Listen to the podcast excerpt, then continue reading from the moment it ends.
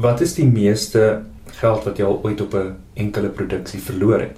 Wel, ons het ek het twee produksies reg gehad vir Klein Karoo Nasionale Kunstefees. En ons is mos nou 2 weke voor die tyd is dit mos gekanselleer as gevolg van Covid. Niemand se skuld nie. Dis wat gebeur. Die een produksie was 'n loket produksie met anderwoorde my uitgawes en my inkomste. Die ander produksie was die fees se. Die een wat ek self befonds het is so 280000 weg. Ja. Ek kan daai produksie later doen. Ja, natuurlik. Maar ek het nog steeds die verantwoordelikheid teenoor die mense wat daardie week by die fees sou betaal word wat nie kon speel nie. Ek voel dit is basiese integriteit om die ander mense te betaal. En jy weet, dit is natuurlik 'n groot debat gewees onder reklame, onder versekeringsmaatskappye en eisers. Wat sê Act of God? Wat is 'n disaster? What defines a pandemic? En dit hang af wat jou nou 'n fees soos daardie sal letterlik soos enige ander fees vir jou sê julle is nie julle is nie gedek so ons hande is afgekap. Hulle het hulle bes probeer om mense te help soveel as wat hulle kon. Maar onthou, hulle bestaan net as gevolg van borge. In ja. meeste van hulle is artikel 21. So dis 'n ketting wat gebeur. En nou word daar vir ons gesê deur verskeie kunstefeesse ons hoop ek kan nie daai datums oophou nie want ek weet nie wat gaan gebeur nie. So as ek daai datums moet vul, dan moet ek daai datums vul. Ek kan nie ander mense wat saam met my werk aan 'n lyntjie hou nie. Dit gaan nie net oor my nie.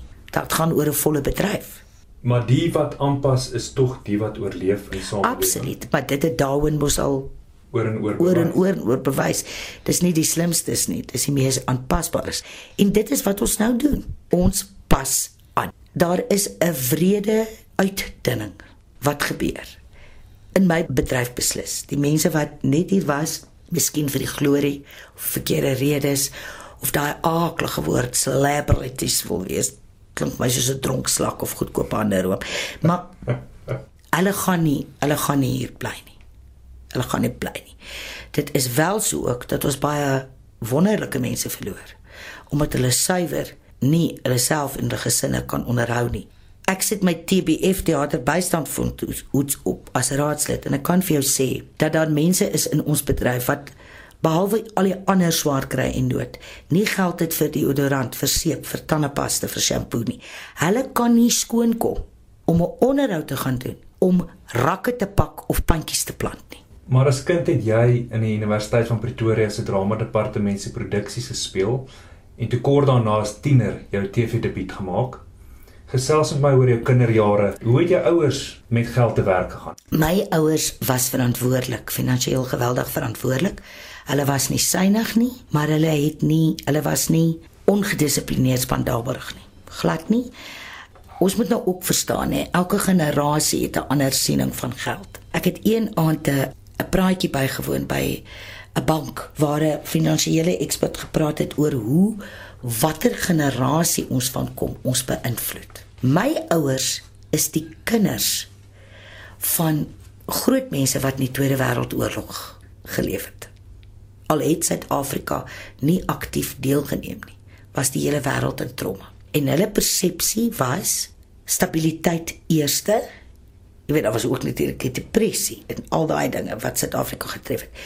Hulle credo was stabiliteit eerste, persoonlike geluk laaste. My ouers het gesê, jy kan net stabiliteit in elke opsig kry as jy dit doen waarvoor jy aangelê is, waarvoor jy opgelei is, wat jou gelukkig maak en hulle was mense wat persoonlik gelukkig was in wat hulle wat hulle gedoen het en ook glad nie geglo het in aftree nie ek ook glo glad nie daarin nie asseblief. Julle gaan my van die verhoog en die skerms moet afskop en die mikrofoon en sê asseblief ou les dit is nou genoeg. Hulle gaan 'n intervensie met my moet doen. So ek het 'n ander siening daarvan. Maar vir diegene wat wel besluit dat hulle jy weet op 'n stadium wil ophou hoop ek dat die beroep wat hulle gedoen het nie net vir hulle geld was nie, soos daai generasie geglo het nie, as gevolg van skok nie. Toe kom die volgende generasie en ons staan wydspeen, die sogenaamde baby boomers. Ons staan wydspeen tussen stabiliteit, die ego daarvan en die kinderskoene van persoonlike geluk. En nou is dit ons met 'n generasie, miskien is hulle ook al verby wat sê ek wil eers myself gaan vind, ek wil 'n gap jaar. Dit is vir ons 'n vreemde konsep. En ja, ek weet ek gaan miskien nou nie ryk wees nie, maar ek, jy weet, wil nou maar die soveelste dag 'n plantasie in Suid-Afrika begin en olie daarmee maak en so. En mag jy suksesvol wees.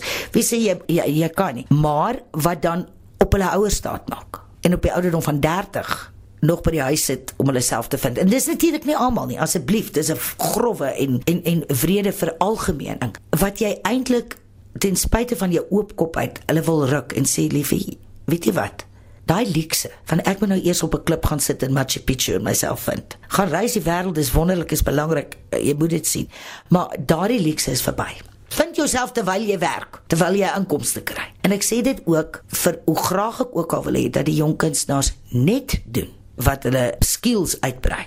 Is daar biljoene akteurs en kreatiewes oor die wêreld sangers, skrywers, wat ook al, wat maar 'n kelnerwerk gaan doen of jy weet karre parkeer of wat ook al, ons het dit almal gedoen terwyl ons geswat het en so aan om aan die aan die lewe te bly en dit het van ons slimmer mense gemaak emosioneel slimmer, sosiale skills gewys slimmer en 'n en 'n beter alfabet gegee oor die wêreld. Ek wil nie mense moet ly en swaar kry omdat ons nou swaar gekry het nie. As dit in Filippine kan gaan wel. En dan sit ons natuurlik nou met die situasie dat ons ouers wat gedink het hulle het genoeg gehad vir aftrede, het nie. En nou sorg die kinders vir die ouers. Of daardie pensioenfonds is gesteel of daar het een of ander krisis gebeur en daardie geld is nie is nie daar nie. So die hele ding is op sy kop gedraai en dit sal interessant wees om te sien watter finansiële zeitgeist tydgees volgende is. As ek so na jou luister, was jy bevoorreg om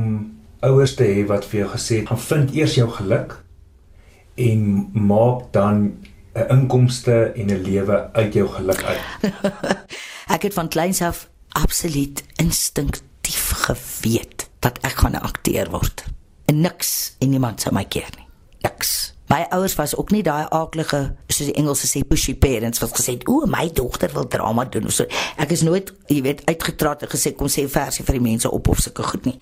En ek is ook waarvoor ek ontsaglik dankbaar is, gesê elke stukkie sukses wat jy bereik of dit nou 'n eksamenpunt is en of dit nou 'n kunswedstryd is wat jy wen of 'n rol wat jy speel, is vir jouself, nie vir ons nie. Ons het jou nie minder of meer lief oor jou sukses nie.